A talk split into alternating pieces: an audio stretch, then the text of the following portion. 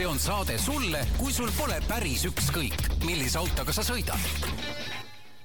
tere kuulajad, Autotund on tagasi ja oleme tagasi stuudios ja täna on saates kohe algusest peale külaline, sest meil on põhimõtteliselt ainult üks teema ja tegemist on siis ringrajasõiduga, aga seda siis, kuidas ma ütlen, hobi korras, aga natukene, natuke karmimal tasemel, et kui siin ükskord äh, oli meil külas Martin Rump, kes teeb seda põhimõtteliselt tööna ja maailma tasemel, ja lähitulevikus on mul plaanis teha, kutsuda oma sõbrad Tõnu Korral ja Karl Salumäe ja rääkida sellise ütleme, meie väga rohujuure tasandil äh, ringraja kogemustest, siis täna on külas Peep Pihotalo, kes on, äh, eks me saame nüüd täpsemalt teada, aga ma vist ei valeta, kui ma ütlen aastaid käinud äh, erinevatel Euroopa ringradadel ja tegelenud selle ringraja nühkimisega nagu hobi korras või oled sa kunagi ka võidusõitu sõitnud?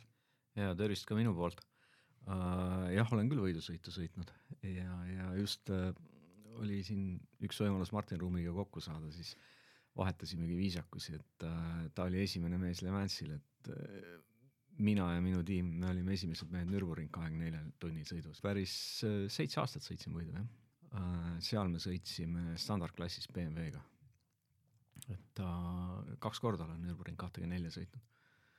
nii et ja Saksa meistrivõistlustel olen kaks aastat osalenud ja Baltikumi meistrivõistlustel viis aastat, nii et väike võidusõidukogemus on millal sa esimest korda ringrajale sattusid? kas siis võistlusena või, või oma huvist mm,? see on sihuke huvitav lugu, esimest korda, jah, esimest korda ma sattusin kardirajale, ma mõtlen autoga konkreetselt, kardiga olin küll enne ka sõitnud ja, ja tollal ma tegelesin võib-olla kiirendusvõistlustega rohkem ja hakkas jubedalt meeldima ja siis äh, Lauri Tõnsberg kunagi korraldas äh, vormelit, Estonia vormelite sõidu, nii-öelda sõidukogemust, nagu tänapäeval on see vormel üks kogemus, on ju. ja ma käisin äh, Pärnus Estoniaga sõitmas. ja siis mul oli oma auto ka kaasas, tegin sellega mõned ringid ja, ja, ja kuidagi tundus, et oh seda tahaks korraldada, aga tollal äh, Pärnu rada oli üldse avatud tee, on ju, ta ei olnud suletud ringrada. ja, ja ega mingeid rajapäevi või asju ei olnud olemas, noh, jutt käib äh, nullindate päris algusest mm. -hmm ja siis äh, koos oma sõbra Aavo Helme ja, ja tollal oli veel Ander Tenno oli pundis, otsustasime, et korraldame rajapäeva, sest välismaal neid ju korraldatakse ja nii ta vist kaks tuhat üks tuligi esimene rajapäev. nime mõtlesime ka välja, Open Track ja, ja sealt hakkas nagu lumepall veerema, et väga pikki aastaid äh, lisaks sõitmisele ka korraldasin rajapäevi, et äh, Pärnu ringrajal ja noh, ringrada arenes muudkui, alguses oli väike ring, panime maantee kinni, siis saime suurt ringi sõita, kuni siis lõpuks, äh, mis oli kaks tuhat kaksteist või Andres Hall tegi selle Heraklase vägiteo ära ja ehitas meile uue ringraja, et mm, ja, ja noh, siis läks asi juba üldse lõbusaks. Kui täna käia vaatamas Open Tracki seal Pärnus, siis see on, see, need autod, mis seal tänapäeval juba sõidavad, noh, ütleme Porsche üheksa üks üks on nüüd, ma ei tea, kas nüüd peamine, millega seal sõidetakse, aga väga tavaline nähe, on ka natuke kallimaid, on odavamaid, millega seal esimestel Open Track idel inimesed käisid? No sul on õige tähelepanek, et äh, nii nagu kogu meie elu ja ühiskond on arenenud edasi, et äh, nii ka see äh, autode, võib-olla see autoklassid, mis seal äh, ring äh,, ringrajal käivad, käivad lõbu pärast sõitmas, et noh, alustuseks olid ikka, mis seal olid, BMW-d, rullikad äh,, Anderil oli Mazda MX-5, mina sõitsin Chevy Camaraga oma esimesed ringid. see oli küll ringraja jaoks natuke kohandatud, et veerusse tehtud ja asjad. Ja, ja tohutu muutus on aastatega küll toimunud, ikkagi Porsche oli väga, väga haruldane, neid käis seal sõitmas, aga, aga kui sa täna vaatad, siis äh, põhiliselt Porsche'd ongi, on ju, et mõned teised autod ka, aga alustasime ikka lihtsalt, ikka Žigulid olid ja Volkswagen Golfid ja, ja tolleaegne tehnika nii-öelda mm.. aga nüüd, kui me räägime rohkem tänapäevast, et äh, millal sa hakkasid, millal sa esimest korda siis välismaal käisid sõitmas? kas siis äh, enda lõbuks või siis võistlemas? See läks niimoodi, et äh, noh, ma olin siin suur raepäeva korraldaja ja tegin päris palju neid üritusi lisaks Eestile mujal ka. ja siis Eesti Porsche klubi liikmetega tekkis nagu tihedamad kontaktid, kuna ikkagi Porsche klubi algusest peale aktiivselt hakkas nendel päevadel osalema ja, ja nad kutsusid mind kaasa äh, Porsche tehase külastusele aastal kaks tuhat kuus, kuhu me läksime ja kui Stockholmist sõita Stuttgardi, siis ähm, tee, suht tee peale jääb Nürburgring, et äh, sattusin esimest korda sinna ja see jättis sellise mm, natuke hirmut-, hirmutava kogemuse, just ebamugav tunne oli seal sõita, sest rada on kiire ja pime. aga tekkis kange tahtmine ikkagi natuke rohkem proovida, sest meil ei olnud seal palju aega. Ja ma järgmine aasta käisin, tulin tagasi, siis ma sõitsin veel mõnel rajal, tegin sellise nagu kombineeritud tripi oma autoga. ja, ja, ja siis ma otsustasin, et noh, ikkagi need rajad on päris kaugel Eestist et äh, ma jätangi auto sinna ja käin seal aeg-ajalt sõitmas ja see oli aastal kaks tuhat kaheksa, nii et kahe tuhande kaheksandast aastast on mul auto paiknenud Saksamaal ja ma olen käinud sõitmas siis aeg-ajalt seal. See on spetsiaalne siis rajasõiduauto? Äh, autod on vahetunud ja enamik neist autodest ei ole olnud spetsiaalsed rajasõiduautod. Nad on tavalised tänavaautod, mis on siis äh, minimaalsel määral kohandatud äh, rajasõiduks. alustasin ma Mitsubishi Lancer Evolution üheksaga. ja, ja, ja sealt edasi riburada veel, ma ei tea, kas ma loen need kõik üles? absoluutselt, muidugi. ja, ja selle Evo oli hea auto, sest ta on selline, annab palju andeks. aga ega ta, et noh, vigu annab andeks, tal on need aktiidiferentsiaalid ja asjad. aga ega ta rajaautona ikkagi noh, ei ole suurem asi, aerodünaamika ja see nelivedu ja see noh, ei ole, ei ole nagu rajavärk siis äh, vist ühe aasta sain seal erinevat vist rendiautosid võtsin, mul vahepeal ei olnud seal oma autot ja, ja oma Porsche üheksateistkümnega sõitsin natuke. Ja siis äh, mõtlesin, et tahaks mingit spetsiaalsemat autot, ma ostsin endale BMW kolmekümne M3-e, mis oli seal katki läinud raja peal ja seda, see sai ehitatud põhimõtteliselt noh, mitte nüüd päris DTM-i auto sarnaseks, aga, aga sinnakanti suurte rataste täispuuriga ja sees tühi, et et äh, see oli nagu päris ringrajaauto kohe. tal oli kahe poole liitrine Eva mootor peal ja, ja, ja ta kaalus vist tuhat kaheksakümmend kilo. Noh, oli kergeks tehtud, et selle spetsiaalautoga sai seal mitu aastat sõidetud. ja siis ma hakkasin võidu sõitma Saksamaal ja kuidagi see täispuuriga auto enam ei olnud nii vajalik, et äh, siis ma vahepeal sõitsin äh, Megane äh, kakssada viiskümmend kapiga äh,, RS-iga, niisugune esipealine lõbus auto korvistmetega. seal, sellel ma ei teinud midagi ja, ja kõige pikemalt ma olen sõitnud Lotus Exege'iga, V6-ga, V6, V6 mootoriga Lotus Exege'iga. alustasin standardina, aga lõpuks see sai päris kõvasti juppe juurde pandud ja ümber ehitatud ja nüüd äh, hetkel sõidan äh, Porsche GT4 RS-iga. nüüd see kõige viimane? no ainult üks ongi. üks ongi, jah, RS on üks, jah. Aga okei okay,, ma arvan, et sellega sa oled päris mõnda aega veel rahul, aga ma hüppan korra lõppu, mul oli üks küsimus siin äh, ka selle kohta, et noh, ütleme, kui, kui ei peaks raha lugema või, või lihtsalt, kas sul on juba järgmine või millega sa tahaksid nagu kas või korra kas või teha ühe päeva Nürburgringil või kus nagu see, see nimekiri on päris impressiivne ja kuna sa oled sõitnud ka täiesti nagu võidusõitu, et kus sinu selline nii-öelda unistus või huvi oleks? No siin on selline väike vastuolu, et äh, loomulikult igalühel on oma unistused, on ju, vastavalt ja. sellele, mis, äh, mida ta veel ei ole proovinud ja tahab proovida.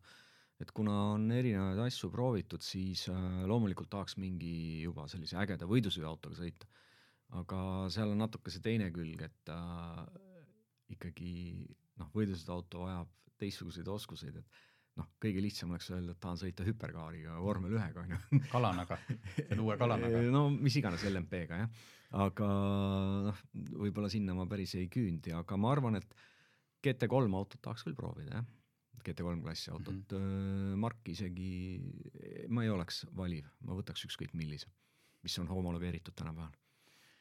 Sa ütlesid, et käisid esimest korda kaks tuhat kuus ja sealt siis mõned aastad uh, uuesti Nürburgringil, et uh, tänapäeval noh, põhimõtteliselt võiks, ma arvan, et Youtube mitu kuud töötaks veel, kui sealt vaadatakse ainult neid Nürburgringi videosid, sest neid on seal noh, ma ütlen, sadu tunde. seal vist on tüübid seisavad raja kõrval, lihtsalt filmivadki ja siis ootavad, et keegi paneks crash'i.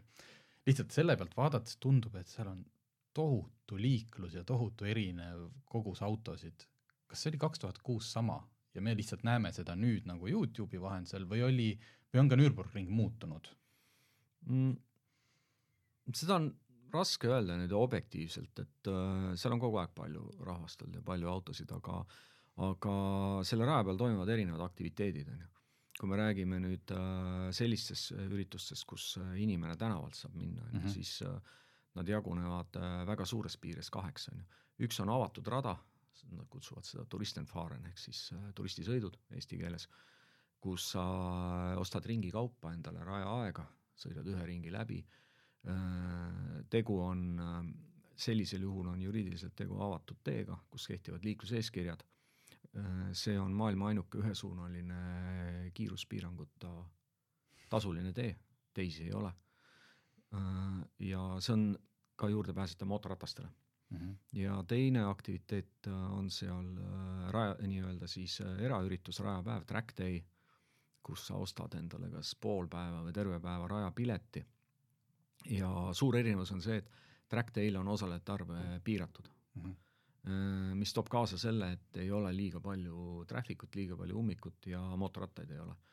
avatud rada on, äh, nädalalõpud on ülipopulaarsed, palju, väga palju autosid, tuhandeid, ütleme nii, mootorrattaid ja kõiki nädala keskel natuke vähem kas see on aastatega muutunud, mingil määral ma võiks öelda nagu subjektiivselt, et on, aga, aga ka nullindate keskel äh, võis seal ikka väga-väga-väga palju rahvast olla. nii et ta on kogu aeg populaarne, nii palju kui mina tean ja noh, ma arvan, et nii ongi mm.. et kui sa nüüd, äh, sul on auto, on seal, aga ma olen aru saanud, et ma ei tea, kas sina ka selles seltskonnas, et Eestis käiakse ikkagi, on sellist noh, entusiastid, pannakse kas auto treilerile ja sõidetakse Euroopasse kuskile ringrajale. Et mitmel erineval ringrajal sina oled käinud? Äh, ma siin just vaatasin, ma kunagi tegin väikse statistika, enne kui ma siia tulin, et mina olen sõitnud kahekümne viiel erineval ringrajal mm, Euroopas siin nende aastate jooksul. Ähm, kindlasti inimesed ju viivad treileriga autosid Eestist ja ja me alustasime ka niimoodi, et äh, me tegime open track'iga esimese, esimene kord, laadisime treileri täis ja läksime Nürburgringile, oli aasta vist äh, kaks tuhat üheksa igasugu pillid olid seal peal, aga mul siin kokkupuudet ei ole nende inimestega, et okei okay,, sina oled rohkem äh,, käid ise? jah, ei no mul on auto seal, mul pole vaja mingit okay. treilerit, on ju. ja ma ei ole seal üksi, et äh, meil on seal terve garaaži täis Eesti autosid, et meil on ikkagi nagu niisugune seltskond, kes okei okay,, see on see juba siis see järgmine tase ma mm -hmm. jah, et on need, kes viivad kohale, tulevad tagasi ja siis on seal äh, hunnik Eesti autosid, kes äh, no jah, et äh, ega ei tea, isegi Eesti on suur riik, et võib-olla keegi kuskil veel, aga aga kunagi juba mina läksin sinna siis, mina küll läksin täitsa oma käe peal ja otsisin ise nagu selle koha mm, -hmm. aga nüüd see koht, kus äh, me praegu oma autosid hoiame, et seal olid juba Eesti, ennem olid nagu eestlased äh, olid seal kliendiks ja, ja nemad soovitasid, et äh, nüüd selles kohas me oleme ikka väga pikka aega olnud, et mitmest inimest me umbes räägime, et kas seal on viis entusiasti või seal on no. see on muutuv number okay.. et äh, mõni toob paariks kuuks, mõni toob äh, pikemaks ajaks, aga kipub küll nii olema, et äh, inimene ütleb, et no ma toon suveks auto sinna, et noh, sõidan natuke, siis viin tagasi. Seal on päris mitu autot, mis pole mitte kunagi enam Eestisse tagasi tulnud, sest lihtsalt omanik ütleb, aa ma ei näe pointi seda auto Eestisse tagasi toomisel. et äh, tullakse lühikeseks ajaks ja jäädakse kauaks. aga miks siis Nürburgring, kui sa ütled kakskümmend viis ringrada, et äh, miks just see? no ma arvan, et sellele on väga lihtne vastata, sellepärast et äh, tegu on äh, unikaalse autospordikompleksiga, ta, ta esiteks koosneb kahest ringrajast, on ju, kõigepealt, on ju, mhm. et äh, seal on ringrada siis, kus sõidetakse vormel ühte ja kõiki teisi professionaalseid sarju, mis siis vastab tänapäeva kõikidele nõuetele, aga selle raja peal meie ei sõida. meie sõidame ühe teise raja peal, mis on seal ehitatud aastal tuhat üheksasada kakskümmend seitse. See rada on, ta ise on kuskil kakskümmend kilomeetrit pikk, on ju. Mm,, asub siis mägisel maastikul ja, ja, ja, ja mis, mis seda rasa iseloomustab, on just see pikkus ja, ja, ja tema nagu selline mitmekesisus ja muidugi tegu on äh, ju, kuidas öeldakse, pop, popikooniga mingis mõttes, et äh, kui me räägime nüüd auto, autondusest ja automaailmast, et äh, kes ei oleks kuulnud, on ju, Nürburgringi Nordschleifest, Nordschleife on siis see põhjasilmus, et see seda, see on ju nii populaarne, et äh, enamus autotootjaid kasutab seda oma turundusmaterjalides, on ju. Alates siis Porschest, kes kõige esimesena vist seda tegema hakkas ja mm, -hmm. ja, ja nüüd ma arvan, pole, pole marki, kes seda ei kasuta enam, on ju. et äh, ta on, ta on nende teistega võrreldes äh, palju noh, ütleme, teised ringrajad on ikkagi spordirajatised kuhu saab tavaline inimene sisse minna. see on äh, kultuurimälestis, kus muuhulgas tegeletakse ka autospordiga. Sest selle Põhjasilmuse peal toimuvad ka autovõidusõidud, on ju, aga mm. aga lisaks toimuvad seal veel autode testid, on ju, kõik äh, autotootjad arendavad seal oma mudeleid tööpäevadel, siis töö ajal. ja, ja muidugi see, et ta on ligipääsetav igaühele, kes on ostnud ringipileti. ei ole vaja kiivrit, ei ole vaja juhilube, ei ole vaja mitte midagi, mine ja sõida. omal vastutusel muidugi, kui lube pole. Äh, mis su Nürburgringi aeg on? See on ju, me teame siin erinevaid autotootjad kogu aeg räägivad, sest ta vist hiljuti muutus kas paarsada meetrit pikemaks või lühemaks, aga umbes, mis, mis su rekord on? see on, see küsimus, ütleme mm, sellele küsimusele paljud muidugi, kes seal sõidavad, teavad vastust. Mina ei tea, esiteks ma ei tea, mis mu aeg on, on ju, sest ma ei mõõda seal aega mm. -hmm. Teiseks, äh, ükskõik mis numbri sulle kunagi keegi ütleb, on ju, siis kui sa ei suuda seda panna nagu konteksti, siis see number on lihtsalt number, on ju, et noh, ta, ta võib näidata küll mingit kiirust, aga see oleneb väga tugevalt, millise autoga sa selle oled seal saavutanud, on ju, et ja kui palju sul kogemust on. mis puudutab nüüd hobi korras seal sõitmist, siis äh, ma ei soovita äh, ringiaja mõõt-, mõõtmisele mõelda enne, kui äh, on tugevalt kogemust omandatud, sest äh, see kipub lõppema kriitiliste olukordadega.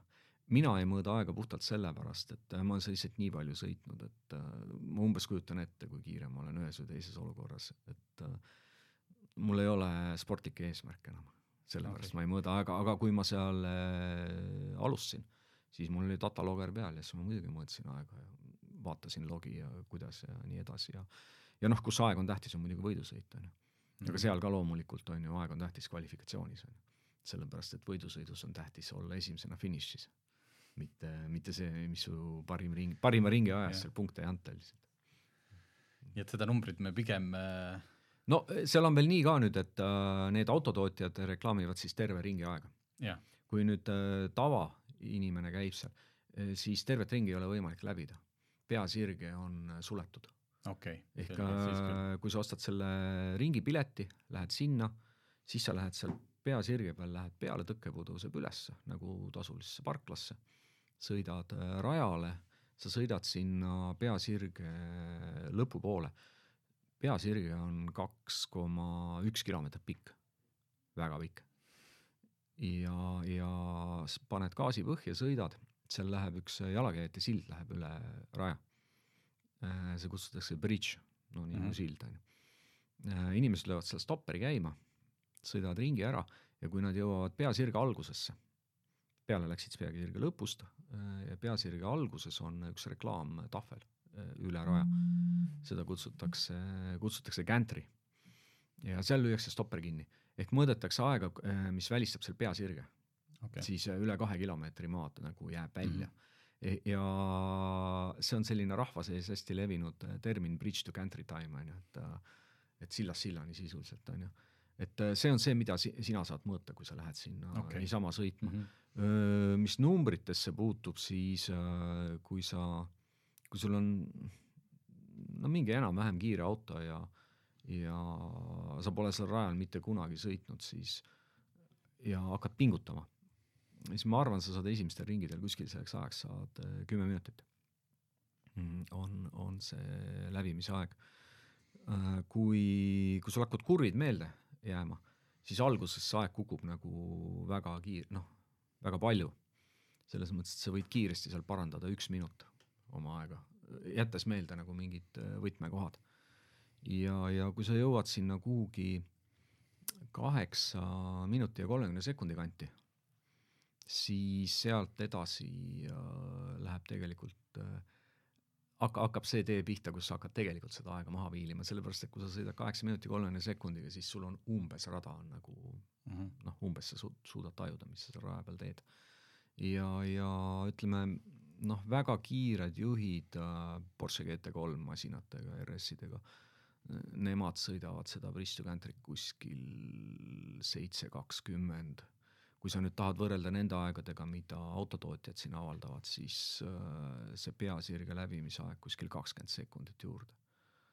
Mm, ma olen siin vaadanud äh, kiirete sõitjate, kes on postitanud siin oma aegu ja siis äh, ka kunagi oma aega võrdlesin Evoga ja nende aegadega, mida siis professionaalsed juhid reklaammaterjalide jaoks välja sõidavad, siis kiire, rada väga hästi tundva harrastaja ja ütleme, Kevin Estre või Jörg Bergmeisteri aja, ajavahe kipub tulema kuskil kaks sekundit kilomeeter, äh, see kaotus.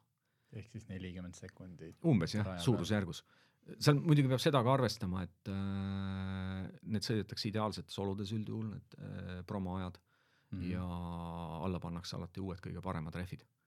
ja mis nende autodega tehtud on, noh, see nagu on juba iseküsimus, et äh, et see kaks sekundit kilomeeter võib tunduda kalender, aga tegelikult äh, see on väga hea tempo, ütleme tavainimesele tavalise auto, noh nagu samasuguse autoga, aga ilma ette valmistamata, et need, äh, nende sõitjad on ikkagi äh, professionaalsed võidusõitjad, kes seda rada tunnevad nagu oma taskut. jah, et siit netist neid Bridge to Gantry aegu tõesti autotootjad ei ütle, lihtsalt kuulaja, kes ei ole nende aegadega kursis, ma võin öelda, et selle siis rajarekord ehk siis koos stardisirgega on praegult jätkuvalt vist see Porsche üheksa üks üheksa Le Mani auto, millel võeti kõik piirangud maha, mis muidu võidusõidul on. sõideti mõned aastad tagasi viis üheksateist, tasub Youtube'ist vaadata, väga hull video on, justkui nagu oleks kiirendusega filmitud. niisugune Honda Civic Type R, ma vaatasin, oli seitse nelikümmend neli rekord ja Sabine Schmitz kunagi Ford Transitiga sõitis vist kümme minutit, kui ta Jeremy Clarksoniga tegi kihlveo või väitis, et ta sõidab äh, Transitiga ka Nürburgringil alla kümne minuti. ma isegi ei oska nüüd äh, hinnangut anda, kumb on nagu suurem saavutus, kas see Porsche alla kuue minuti ring või Sabine Transitiga kümne minuti ring, et üldiselt see kümme minutiga Transitiga tundub mulle päris hull ausalt öeldes mm.. nii, aga äh, siis Nürburgringi järel nimeta mõni Euroopa rada, mida keegi, ütleme, kui ta Nürburgringi kas siis, ma ei tea, kas kardab või on tehtud, et mis võiks olla selline, noh, ütleme pigem harrastaja tasemel, niisugune mõnus rada, kus tahaks elamuse, milline veel võiks olla? Uh,? no põhimõtteliselt on niimoodi, et uh, me kõik teame, on ju, Euroopa kuulsaid ringradasid, mis on vormel üks kalendris. uh, kas täna või, või, või kunagi olnud, on ju tuntud nimed igasugused, alates Spa-Francorchamps ja Zandvoort ja Solder ja Dijon ja Hockenheimring. Äh, kõik need rajad on hobisõitjale mingitel, mingid võimalused on seal minna oma autot proovima. nii nagu Nürburgringilgi enamik nendest radadest on ju äriettevõtted, kes üritavad oma mhm. kasumit maksimeerida ja, ja kui nädalalõpud, suvised nädalalõpud on kõik äh, üldjuhul book itud erinevate kas võidusõitude või muude ürituste jaoks, siis äh, nädala sees lastakse nii-öelda tavainimene peale. ja samamoodi jagunevad need võimalused nüüd kaheks. kas sa ostad äh, suletud rajapäeva track day mis siis kestab tavaliselt terve, terve päev, on ju ja saad sõita seal piiratud seltskonnas ja kõik need rajad pakuvad samamoodi avatud raja piletiga teenust. küll ei müüda seal ringi, vaid müüakse sessiooni, sessioon üldjuhul on kakskümmend kuni kakskümmend viis minutit ühele autole on ju. no mis on plenty on ju, noh piisab mm. -hmm et äh, siis seda kutsutakse kas public driving experience või, või, või, või mingi sellise nimega on ju. infot leiab üldjuhul siis selle raja kodulehe pealt, äh, mis nagu huvi pakub rajapäevade kohta on nagu teine asi, et seal siis rada üürib äh, rajapäeva korraldajale välja ja siis üldjuhul noh, need korraldajad on nagu kas oma lehtede peal reklaamivad, aga tulles su küsimuse juurde nüüd tagasi, siis noh, Nürburgring on lihtsalt kõige selline lihtsam asi, et sa lähed mm. -hmm. sinna ja sest see ei ole ainult rada, on ju, see on, see on terve community on seal ümber, see on nagu sa näed seal selliseid autosid, mida sa kunagi ei näe ja sa lähed sinna, on ju, nüüd, et mida veel teha mm,? Kõige, see on nagu huvitav, et minu jaoks nagu number kaks rada Euroopas asub juhuslikult äh, ka Nürburgringile kõige lähemal. ja selle raja nimi ongi Spa-Francorchamps, mis asub Belgias. ja sealt on, äh, sinna on tund viisteist minutit sõita Nürburgringilt, ehk ta on nagu väga lähedal. ta geograafiliselt asub samades mägedes, mm, Nürburgring asub mägedes, seal on äh, Saksamaal on Eiffeli mäed, Belgias kutsutakse neid mägesid Ardennideks, aga noh, mäed on samad. ja, ja see on kõige lähem rada ja ma ütlen ka, et see on, see on nagu väga hea komplekt, sellepärast et äh, need, need rajad on täiesti erinevad. üks on, on ju see vanaaegne, ütleme siis pigem nagu mägitee ja teine on kaasaegne vormel üks rada, mis nüüd hiljuti ehitati ka veel mootorratastele turvaliseks, ehk ta tehti nagu veel paremaks, on ju. Ja, ja kuigi ta on nagu kaasaegne rada, siis ta on samas ka nagu natuke vanaaegne, kuna Spa rada on peaaegu sama vana kui Nürburgring, ta on vist paar aastat ainult uuem, on ju. seal on küll moderniseeritud ja lühendatud teda, ehk ta erineb võib-olla teistest vormel üks radadest, esiteks oma pikkuse poolest ta on seitse kilomeetrit pikk, tavalised rajad on kuskil viis kilomeetrit pluss-miinus, on ju, oleneb rajast. Ja, ja teine asi on, seal on väga suur kõrguste vahe, seal on absoluutne kõrguste vahe on kaheksakümmend neli meetrit mis on lühikese raja kohta väga palju. et noh, see, see, see rada on selline üle elu suuruses 3D pusle nagu, kui sa hakkad seda kokku panema. ja ta on selline mõnus ka sellepärast, et ta on kiire ja ta on väga sujuva tempoga. Seal on vähe selliseid jõhkraid mahapidurusi. tänavaautol üldiselt need noh, kipuvad natukene liiga tegema, et pidurid ei ole ikkagi päriselt mõeldud, on ju, selliste jätkuvate mahapiduruste jaoks, ehk kui minna sinna ja tahta kombineerida, et käime kahel rajal, siis noh, seda on väga lihtne soovitada, et Spa-Francorchamps on see rada, kuhu, kuhu, kuhu tasub minna ja just logistilises mõttes ka ta on hästi lihtne, kuna ta on kohe seal kõrval, sest noh, Euroopa ikkagi suur ja lai ja neid kilomeetreid seal kert tuleb, on ju, kui kuhugi hakata matkama, nii et see oleks äh, küll selline minu kindel nagu eelistus, et äh, kuhu minna veel vaatama ja seda ma esimest, kui ma käisin esimest korda oma autoga, siis seda ma tegin ka äh,. siis mu esimene Spa Francorchamps külastus oli ka kaks tuhat seitse, kui ma, kui ma seal veel õhku, õhku nuskimas käisin. Need suletud track'id, need tähendab seda, et ega ju, et, et noh, tõenäoliselt väga paksu rahakotiga on võimalik, aga see ei ole reaalselt, et teie nüüd näiteks, ma ei tea, mingi seltskonnaga panete kinni, vaid see on ikkagi keegi suurem organisatsioon, seda korraldab ja see on lihtsalt piiratud arv, ma ei tea, viiskümmend või mitu autot. No, või sa võid ka ise, on võimalik ka iseendale panna raja, jaa, jaa, kõik on võimalik, lihtsalt seal noh, ma nüüd ütlen huumoriga, jääb kahe asja taha kinni, on ju esiteks selle taha jääb kinni, et äh, nad on juba tavaliselt fully booked kõik, on ju, et need hooajapäevad on väga mm, -hmm. Need rajad ei seisa tühjalt, on ju, et äh, kui sa oled uus tegija või niisugune ühekordne klient, siis äh, kardetavalt ei võeta jutule, on ju.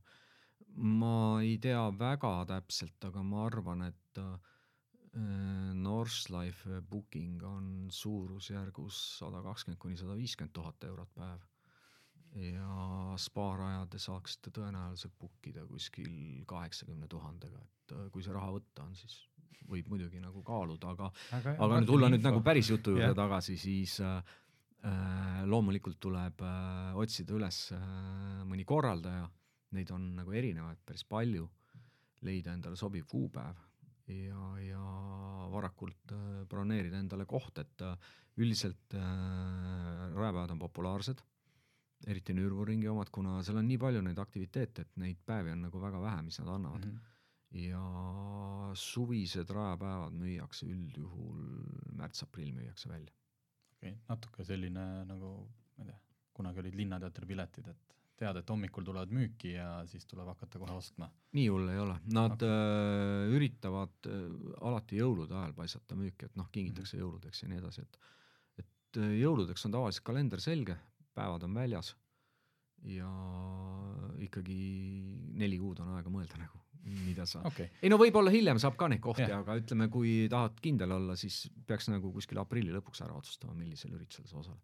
ja mis hind, hinnaklassist me umbes siis räägime, kui sa osaled seal rajapäeval, ükskõik kas siis Spaas või, või Nürburgringil? Uh, nüüd on niimoodi, et uh, Nürburgringi päevad on pigem nagu kallimad puhtalt sellepärast, et noh, nõudlus on nii suur ilmselt, noh, nõudluse pakkuse tasakaal uh,. Erinevad korraldajad veel pakuvad seal erinevaid nagu lisateenuseid ja, ja asju, aga see hinnavahemik on kuuesajast uh, ütleme, kui me nagu mõistlikkuse piiris jäädes päevades, kuskil tuhandeni on hinna, on see päevatasu nagu, millega sa saad sinna sõitma. reaalne keskmine on kuskil kaheksasada, mis sa maksad siis selle pileti eest seal päevas on ju. et äh, nüüd, miks osad on kallimad, osad on odavamad, jah, kallimal pakutakse võib-olla võileiba või Coca-Colat on ju, aga kõige suurem vahe on see, et äh, see oleneb, mitu autot nagu rajal Mhm. on et kui on äh, kallimad, kallima hinnaga päev, siis on osalejaid vähem. ehk see kogu rajakulu on jaotatud väiksema arvu autode peale. ja kui, kui sa lähed sinna kõige odavamale päevale, siis sa võid kindel olla, et äh, autosid on palju ja, ja, ja seal töötab veel selline enesetsensuuri mehhanism või see on nagu lihtsalt elu reaalsus. kallimal päeval äh, osalejad sõidavad kallimate autodega. ja odavamatel päevadel tullakse odavamate autodega mis tihtipeale ka nagu mõjutab, et äh, need odavamad autod kipuvad äh, rohkem avariisi tegema ja katki minema. aga nüüd, kui tulla näiteks teiste radade juurde, siis äh, vormel üks rajad on ka pigem nagu kall-, kallid, et äh, spa päeva sa ütleme hooaja keskel äh, noh, tuleb maksta kuskil suurusjärgus viissada eurot. aga kui sa lähed nagu ütleme shoulder season'il ehk siis kas hooaja alguses mm. -hmm. hooaja algus on seal äh, märtsist, märtsi teisest poolest või sa lähed äh, sügisel, ütleme oktoobrist, noh siis saad ka neljasajaga või niimoodi, ütleme selle, selle päeva hinna ja nüüd, kui sa lähed mõnele nagu väiksemale rajale nagu meie Pärnu rada, noh, seal ütleme, need rajapäeva hinnad on kuskil kolmsada viiskümmend, nelisada on, on äh, päeva maksumus. kui äh, korraks veel Nürburgringi juurde, et kui inimene ei ole tegelikult veel eriline ringraja hunt ja võib-olla noh, parimal juhul mõned ringid Pärnus ongi kõik see, mis ta on teinud, kas kas Nürburgring on koht, kuhu tegelikult minna, ütleme siis mitte lihtsalt, et bucket list tehtud, vaid päriselt sõitma või tegelikult ma ei tea, et sõidurõõm on suurem, kui sa oled ennem harjutanud. kui raske ta on, kui, kui, kui nagu ohtlik või võrreldes mõne teise mis on Nürburgringil on, see on, tähendab kõikidel radadel muidugi Jah. nii, aga mis Nürburgringil eriti välja tuleb, kuna ta on äh, mägine ja selline ebatasase kattega, et äh, see, rada muutub vastavalt sinu kiirusele. et kui sa sõidad aeglaselt, on see rada ühesugune ja kui sa suurendad kiirust, siis kogu aeg tulevad uued nagu, uued jõnksud, uued äh, pidurduskohad, uued asjad, aga seal ei ole mingit probleemi sõita, kui sa suudad hoida auto kahe asfaldi peal nagu, et äh, et äh, ta on ikkagi ju lõppkokkuvõttes lihtsalt asfaldiriba on ju, mille peal sa sõidad.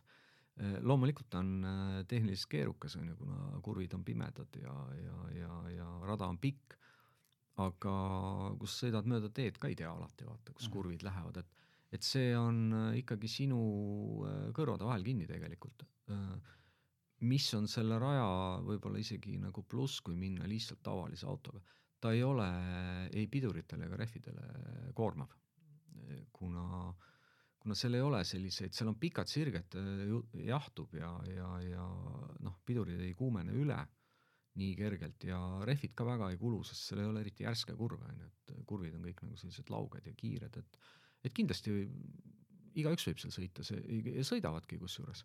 nüüd, et kas noh, et kui sa ei ole ringrasõitja, et kas ma ostan selle rajapäeva on ju, või ma lähen ostan selle paariringi pileti ja sõidan, et äh, nii ja naa, et alguses võib olla paariringi pilet, aga kui sa tahad nüüd rahulikult seda rada õppida, siis rajapäev on parem, kuna rajapäeval äh, see autode arv, mis rajal on, on kordades väiksem. Sest äh, kui seal võib-olla avatud nädalavahetusel on näiteks, ma ei tea, kaks tuhat autot kohal, millest kogu aeg on kaks-kolmsada raja peal, on ju, siis rajapäeval üldjuhul üle kahesaja koha ei müüda ja tavaliselt rajapäeval on võib-olla kakskümmend, kolmkümmend autot, on ju, mm. -hmm. ehk kümme korda vähem. see on Ja- nii pikk rada, sa hajub ära, sul ei tule keegi ja kohe teise, seal võid teise vabalt nii ringil, selja tagant. sa võid vabalt nii sõita, et sa ei näe kedagi nagu terve Mhm. ringi jooksul. ja kuna rajapäevase osalemiskünnis on kõrgem, nüüd äh, seoses rahaga on ju, siis äh, seal sõidavad ka rohkem inimesed, kes juba teavad, mis nad teevad. ehk äh, ta on ka nagu palju ohutum Mhm. ja seal ei oota keegi, et sa sõidad kiiresti. sõidad täpselt nii kiiresti, nagu ise tahad. lisaks on juba autod nii erinevad. kas kuidagi gruppi jaotatakse siis võimsuse järgi Ei, sa pead ise hindama seal ei ole? midagi ei jaotata, mine ja sõida, on ju, et äh, keegi ei jaota mitte midagi. ja, ja igaüks teeb ikkagi, läheb oma tempos ja see ongi nagu põhiline, on ju. lihtsalt, mis võib-olla, kui sa oled nagu vähe ringrajal käinud, siis äh, sul võib tekkida natukene nagu kiirusepimedus, kuna ringrajal nagu kilomeetrites tunnis on äh, üldjuhul auto liigub kiiremini kui avalikel teedel on ju, et kui avaliku tee peal võib-olla sada viiskümmend tundub äh, ikkagi noh, niisugune suur kiirus ja sul on need meeled kõik on nagu erksad on ju, siis ringraja peal sada viiskümmend tihti tundub, et noh, mis ma siin venin, panen gaasi juurde, on ju, et oleneb autost muidugi, aga aga et, et sa pead lihtsalt aru saama, et äh, pidurdada on ka vahest vaja, mitte ainult gaasi vajutada, aga aga noh, ma usun, et inimene, kes äh, on leidnud need vahendid, et sinna jõuda ja suutnud endale auto osta, ta võib-olla analüüsivõime on ka natukene keskmisest juhist parem, et vast saab hakkama. no, no sinna see jutt natukene praegult ise läks, et ma ikka küsin ära, et äh, on sul olnud valusaid õppetunde, kas Nürburgringilt või mujalt? jaa, on küll jah, ma olen, ma olen kaks korda avariisse sattunud ringrajal, mõlemal korral oma, oma eksimuse tõttu, erinevatel põhjustel, mis on siis osa sellest nagu õppeprotsessist. Õnneks, õnneks asi piirdus mõningase plekikahjuga, aga, aga ütleme noh, see, see ongi nagu see tahaks õppida nagu teiste kogemustest, aga vahest ikka tuleb nii, et õppida oma kogemustest. Need olid, ütleme algusaegadel, kui ma, kui ma seal, kui ma seal sõi-, sõit-, sõitma nagu, sõitmist alustasin, et tähendab, üks avarii oli Nürburgringil, teine oligi Spaas täpselt, on ju. aga see ei ole, see ei ole tegelikult nagu niivõrd teema, et äh, sa võid muidugi vigu teha, aga kui sa mõtled äh, nagu statistiliselt seal vanemad olijad ja sõiduinstruktorid, kes seal on olnud, siis äh, nemad on äh, pikaajalise kogemuse põhjal kindlaks teinud näiteks Nürburgringil, et kui sa oled seal pidev käija, siis äh, avarii juhtub kuskil iga kaheksasaja viiekümne ringi taga keskmiselt, on ju. ja tihti see juhtub ikkagi sinust mitteolenevatel põhjustel, sest äh, mis on hästi äh,, hästi ebameeldiv, hästi suur riskikoht ja kus äh, juhtuvad halvad avariid, on, kui mõnel teisel autol on vedelikuleke. kas siis õlileke või jahutusvedeliku leke, et noh, õlileke on veel noh, sa isegi visuaalselt võid seda näha, on ju, jahutusvedelikku sa ei näe ka nagu, et, et pahad asjad juhtuvad tihti, et mõni auto laseb mahlad välja ja teine, teine sõidab sinna peale ja siis ja siis tuleb kolmas, neljas ja viies ja nii edasi, see on just avatud päevadel ka, kus ei ole lipukohtunikke, rajapäeval on natuke parem, et noh, seal on lipukohtunikud, saavad nagu hoiatada. rääkisid, et seal Nürburgringil, et noh, see on nagu põhimõtteliselt nagu linnake, seal on seda infrat. kas seal on, noh teil on eks ju oma garaaž, kus teil autod, ma ei tea, kas teil oma mehaanikud ka on või olete kõik juba ise nii osavad mehed, et, et piduriklotse vahetate?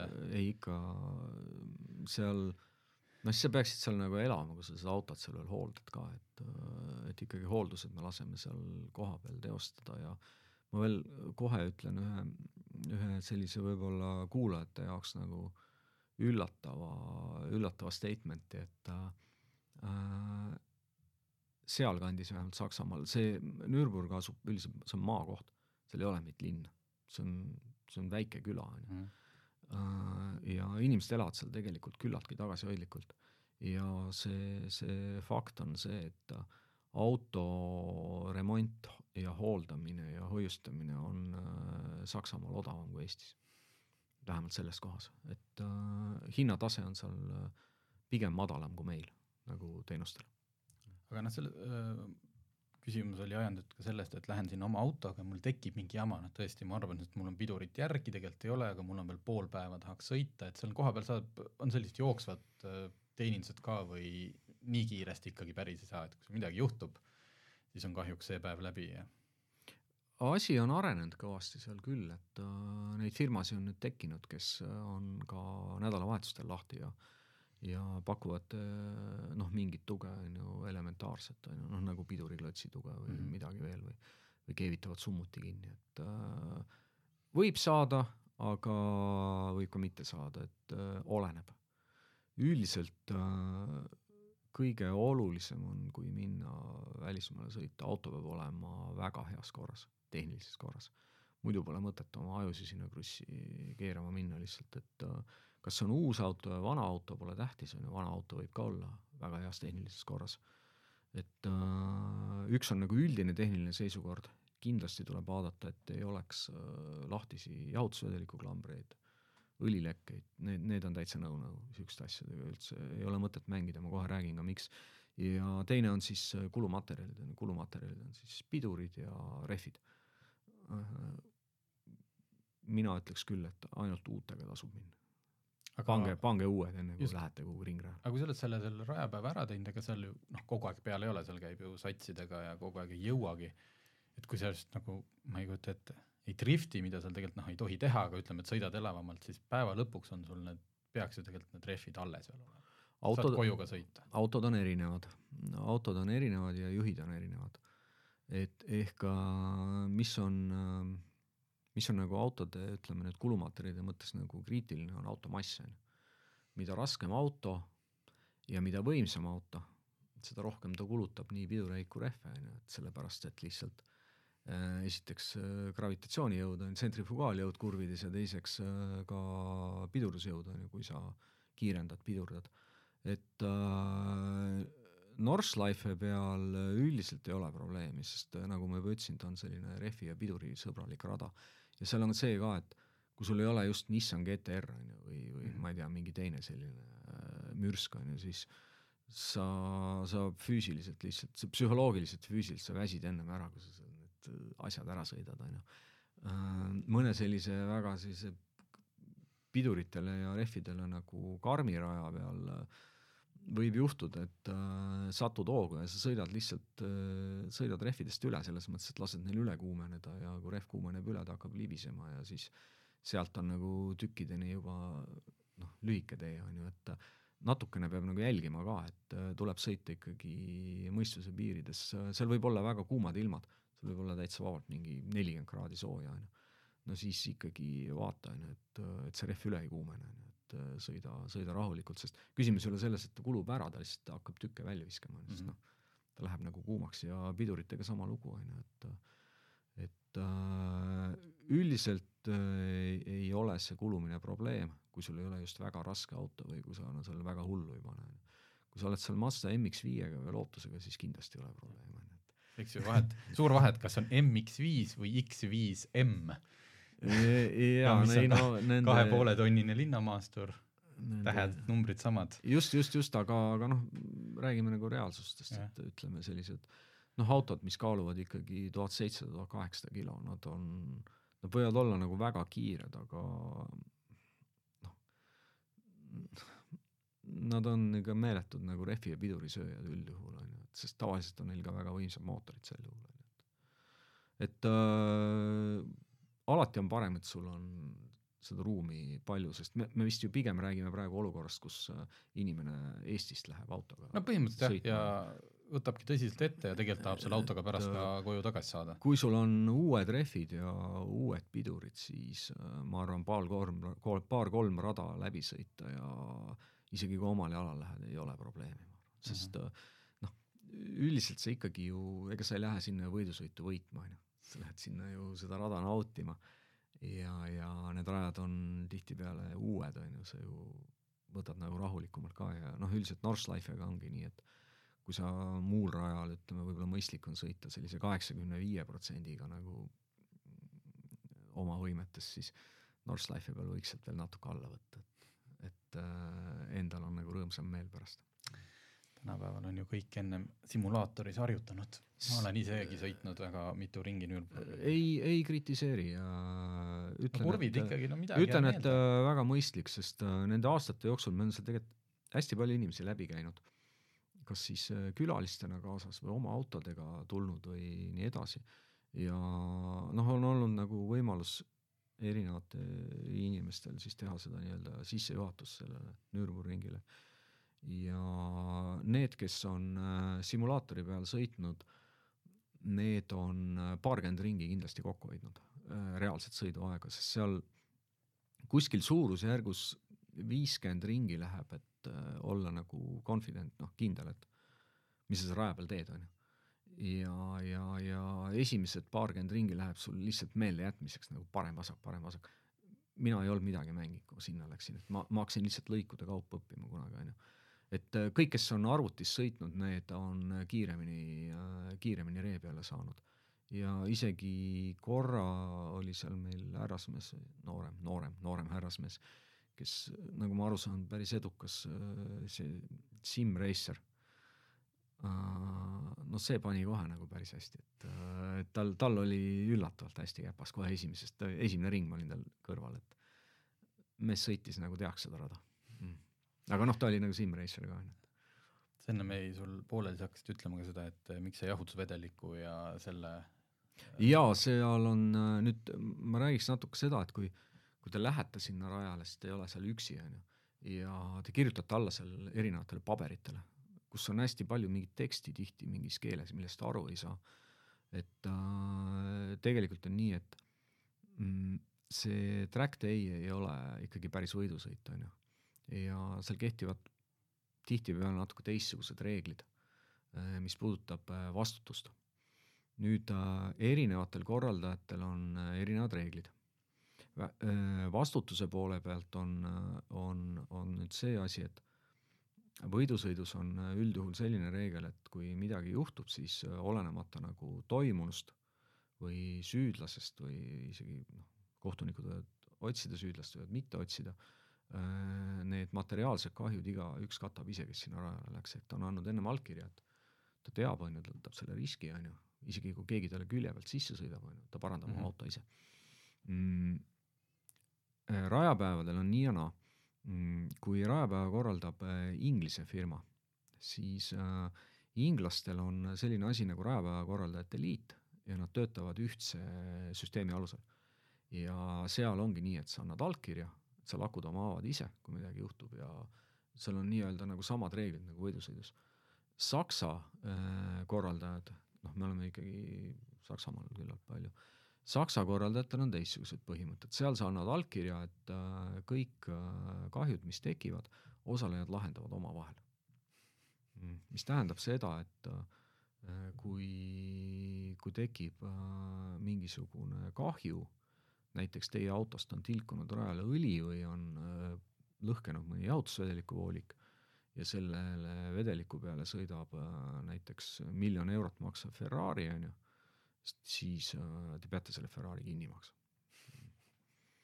ja, ja reaalselt peategi. see võttis küll praegult natuke entukat maha.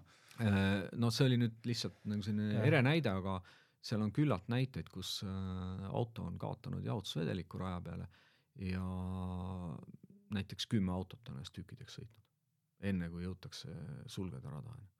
siis tegelikult miljon eurot ei ole mingi raha, sest autod autodeks katta tuleb ka isikukahjud. ja kui, kui seal mootorrattur libastub teie poolt maha puistatud asja peale või te tekitate mingisuguse situatsiooni, kus äh, teine osapool saab kehalisi vigastusi, äh, jutt käib kümnetest miljonitest. ehk, ehk see vastutus võib olla üllatavalt suur. kas keegi mingit kindlustust müüb mulle äh,? rajapäeva kindlustust äh, Eestist osta ei ole võimalik. Äh, välismaalt on, aga selle teenuse hinda, hind on kõrge, tema kvaliteeti ma ei oska kommenteerida. Äh, kahjuks meie oleme sunnitud sõitma ilma kindlustuseta. nüüd avatud rada on juriidiliselt tavaline tee. seal kehtib liikluskindlustus, roheline kaart ehk kui nüüd see kahju juhtub äh, kolmandal osapoolel avatud rajal, siis teoreetiliselt äh, teie kindlustusandja peaks selle katma mm,.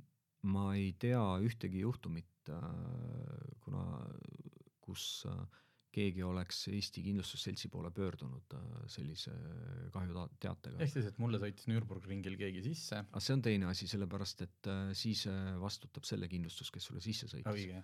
et okay. see on nüüd see, et sa ise tekitad kahju, on ju. Mhm. noh, kõige lihtsam kahju on see, et sa sõidad rajalt välja ja põrkad vastu seda põrkepiiret, seda müüakse sulle meetriga, on ju. seda tarkvat. jaa, sa pead ju selle kõik kinni maksma, on ju.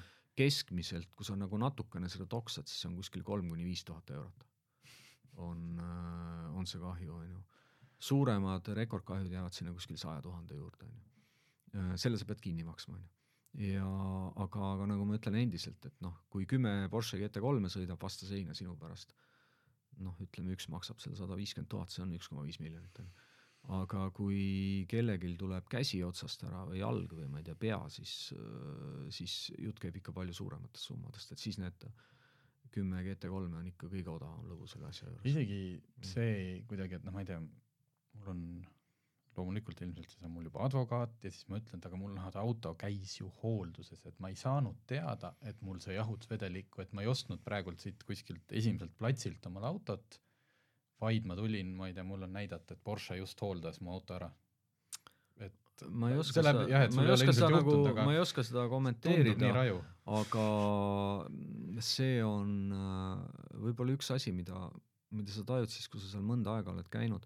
ma olen kahjuks pidanud seal ühte ja teist nägema selle raja peal, sa lihtsalt, kui sa seal palju oled, sa näed, et äh, see on, see on nagu sellisele autofännile, ta on võib-olla nagu paradiis, aga see koht võib olla ka põrgu, mis ta nimi on põrgu.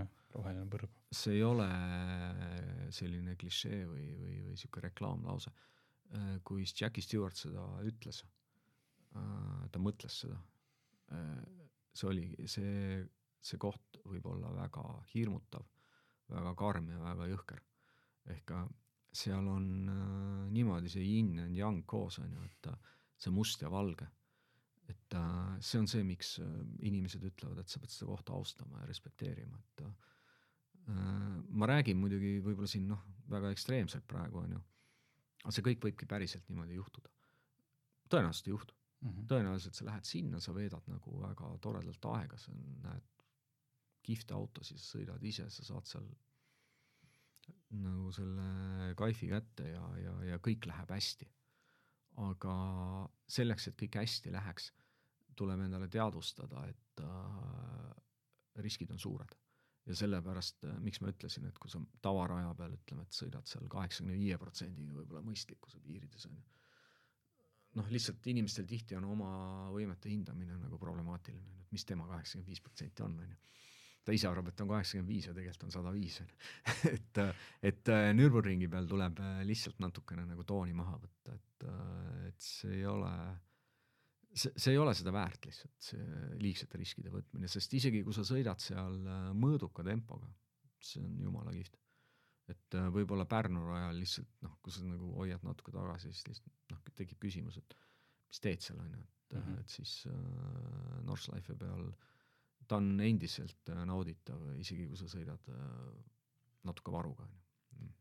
aga seal rajapäeva, ametliku rajapäeva eel mingitki elementaarset tehnokontrolli ei ole, et umbes tee korraks kapott lahti, näita, et sul ei uju siin kõik õlist ja noh, et see on põhimõtteliselt ikkagi Saksamaa, Saksamaa ja ka teised riigid, üldse nagu lääneriigid, et seal on nagu kuidagi selline, võib-olla see, et noh, nad on kauem arendanud oma ühiskonda või niimoodi, et nad on, äh, nad on oma nõudmistes palju jäigemad ja printsipiaalsemad, kui meil siin ollakse. aga äh, nende nõuete täitmine äh,, see vastutus jäetakse suures osas inimese enda kanda. sa tead, millega sa riskid, sa tead, millised on tagajärjed, sa tead, mis on sinu kohustused.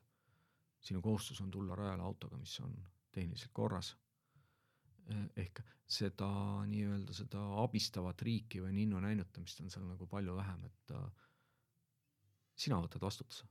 sellepärast, et keegi teine ei saa su eest vastutada, see mees võib seal auto all roomata, aga noh, ta ei vastuta, ehk ei, seal ei kontrollita mitte midagi okay., ikka sa ise, sa ise vaatad, aga muidugi on nagu range soovitus iga rajapäeva, kui sa ostad selle, siis seal on kuskil kirjas, et mine lase oma auto ennem üle vaadata, on ju.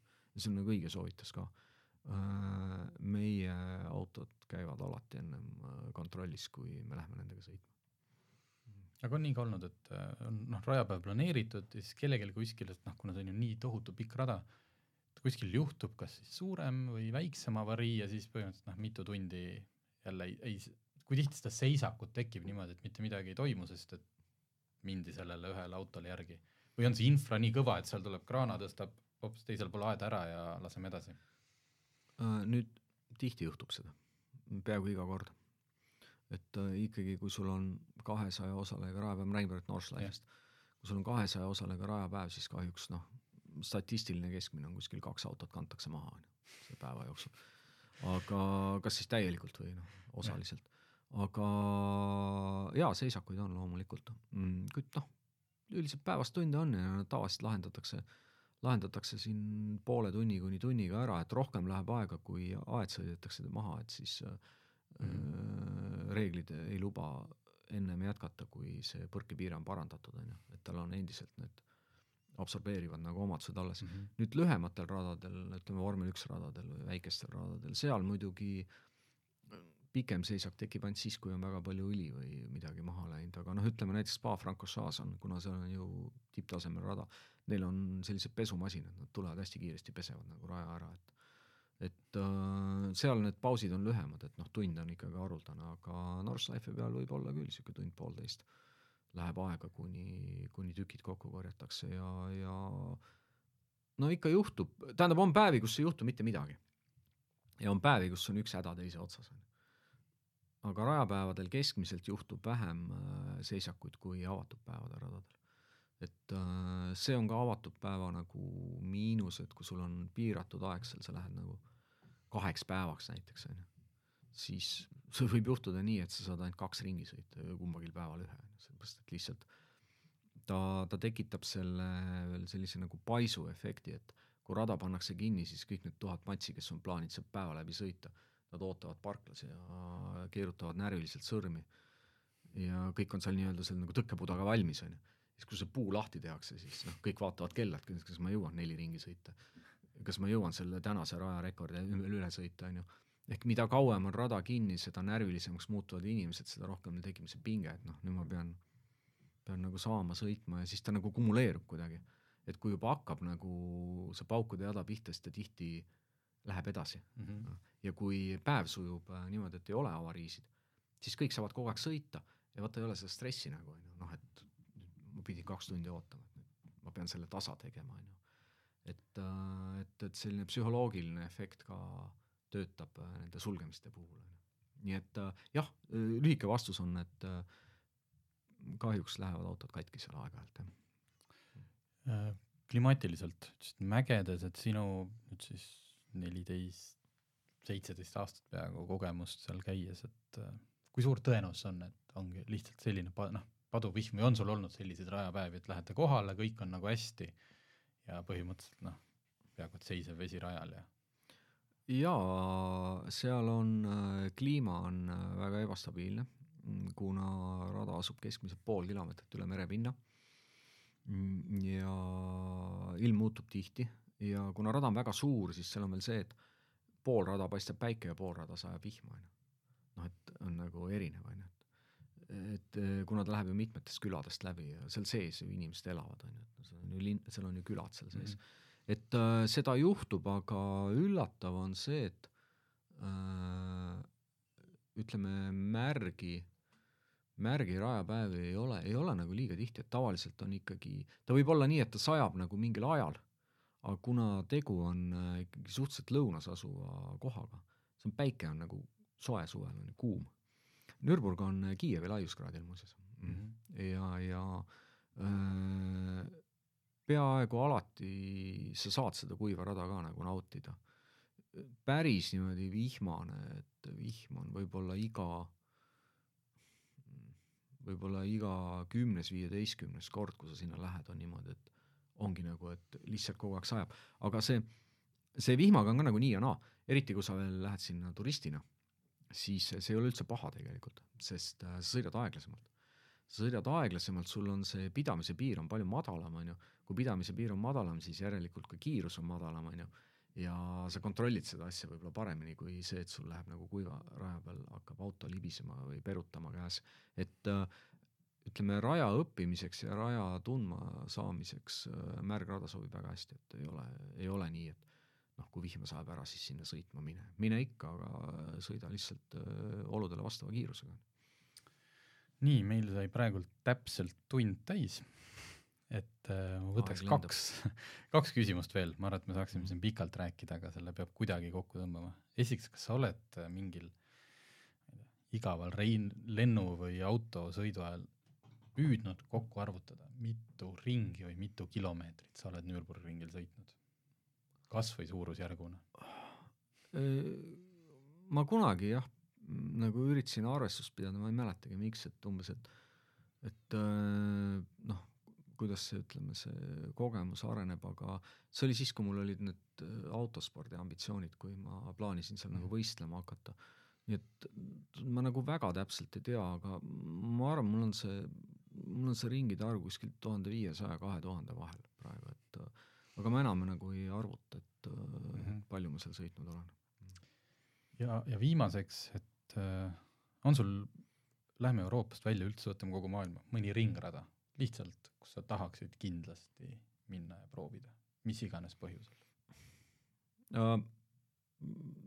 mul sellist otseselt plaani ei ole, et ma nüüd lähen kuhugi mujale ja proovin, et aga eile just vaatasin äh, seoses Jüri Vipsi debüüdiga Laguna Secat ja ja see tundus, tundus päris muhe rada olevat, et äh, oma kõrguste vahed. seal on jah, see on see üks, üks legendaarne kurv, kus kurvidega, et see, see tundus lahe ja ja muidugi Austraalias on, on see Padhursti rada, on ju, mida on siin telekast vaadatud, et noh, need oleks sellised toredad kohad, et kus, kus saaks proovida, et aga Euroopa välja, noh, see on juba selline, nii ma ei ole mõelnud, ma olen, ma olen pigem mõelnud, et ma tahaks kunagi Targa Tasmaanial sõita, aga mm.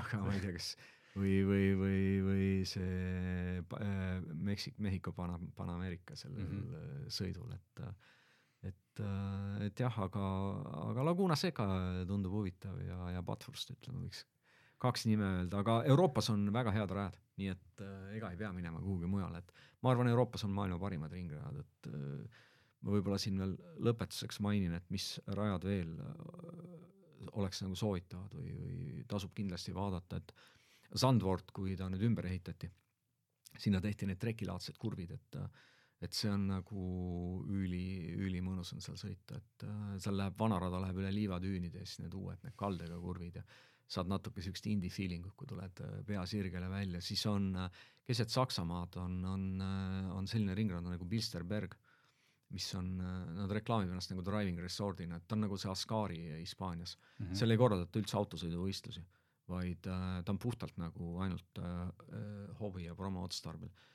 rada, kus ei ole ühtegi meetrit horisontaalset pinda, et äh, mägedes, see on äh, Herman Tilke ja Valter Rööl tegid selle. Tilke ütles, et äh, talle väga meeldis seda teha, sest tal ei olnud neid vormel ühe neid äh, äh, regulatsioone, mille mm -hmm. järgi ta pidi tegema äh,. ei ole kiire rada, aga ülitehniline, mägedes üles-alla väga, väga kihvt rada, et et see, seda kindlasti soovitaks väisata. ja, ja võib-olla, ma ei tea, kas sinna keegi satub, aga Vahemere ääres on Prantsusmaal, Lõuna-Prantsusmaal on üks rada, mille nimi on Le Denon. ja see rada on selles mõttes huvitav, et see on ühe perekonna valduses. Ja see oli äh, motokrossi rada. ja nad asfalteerisid selle ära. niimoodi, et äh, see ongi nagu asfaldiga motokrossi rada, kus saab autoga peal sõita hüpped või seal on hüpped, aga kuna kurvid on äh, nii järsud sirged on nagu lühikesed enne hüppeid, siis äh, sa otseselt ei hüppa seal. aga kergendused on küll nagu, aga ta on lihtsalt meeletud kõrguste vahed, sest noh, motokrossi rada kujutate mm, -hmm. et ta on üles-alla on ju, et ta, on sellise nagu oru sees ja, ja, ja see, noh, see on ka midagi erilist, muidugi toredaid radu on palju, Dijon, Hockenheim äh,, Paul Ricard. Äh, aga siit lähedalt võtta, ütleme, Audru, Pikerniki, äh, mis rada Rootsis no minul, on? Äh, Rootsit ma ei tea, aga Baltikumis on kolm rada, on ju, Pärnus, Riias ja Kaunases. et noh, minu isiklik lemmik on Pikerniki. Paljudel on Katšergine Kaunas, aga ma ei tea, mulle meeldib nagu Pikerniki rohkem, et ta on niisugune vanakooli rada, et ta on nagu seal on natukene nagu Northlife vibe'i, et, et sihuke aedade vahel sõidad, sõidad kiiresti. ja võib-olla veel nimetaks, mis rajad, mis mulle on hästi meeldinud, mulle on Itaalias on meeldinud Mugello. selline natukene nagu spa tüüpi rada heade kõrguste vahedega ja, ja siukse mõnude, mõnusate kurvidega ja Inglismaal Donington Park nad plaanisid ju vormel ühte sinna mm -hmm. ka mhm. viia, nii et see oli ka selline nagu kihvt rada, et isegi mulle meeldis rohkem kui Silverstone, et ma ei tea kuidagi, Doningtonis on ka sihuke üles-alla ja, ja selline, et et sellised rajad nagu võib soovitada, aga noh, ega igal pool ei ole käinud, et no ikka oma piiratud kogemuse põhjal ütlen. vot mm. nii, selline hea pikk saade sai, palju kasulikku infot, nüüd on, ma arvan, et siin on kahte sorti inimesi peale saadet, need, kes kindlasti tahavad nüüd kuskile sõitma minna ja siis loodetavasti vähem on neid, kes otsustasid ei, ma küll ei lähe, sest et see kõik tundub nii hirmutav. aga tegelikult on kihvt, käige ja tehke ja aitäh, Peep, et tulid ja valgustasid meid. no tore, et kutsusid, kena päeva.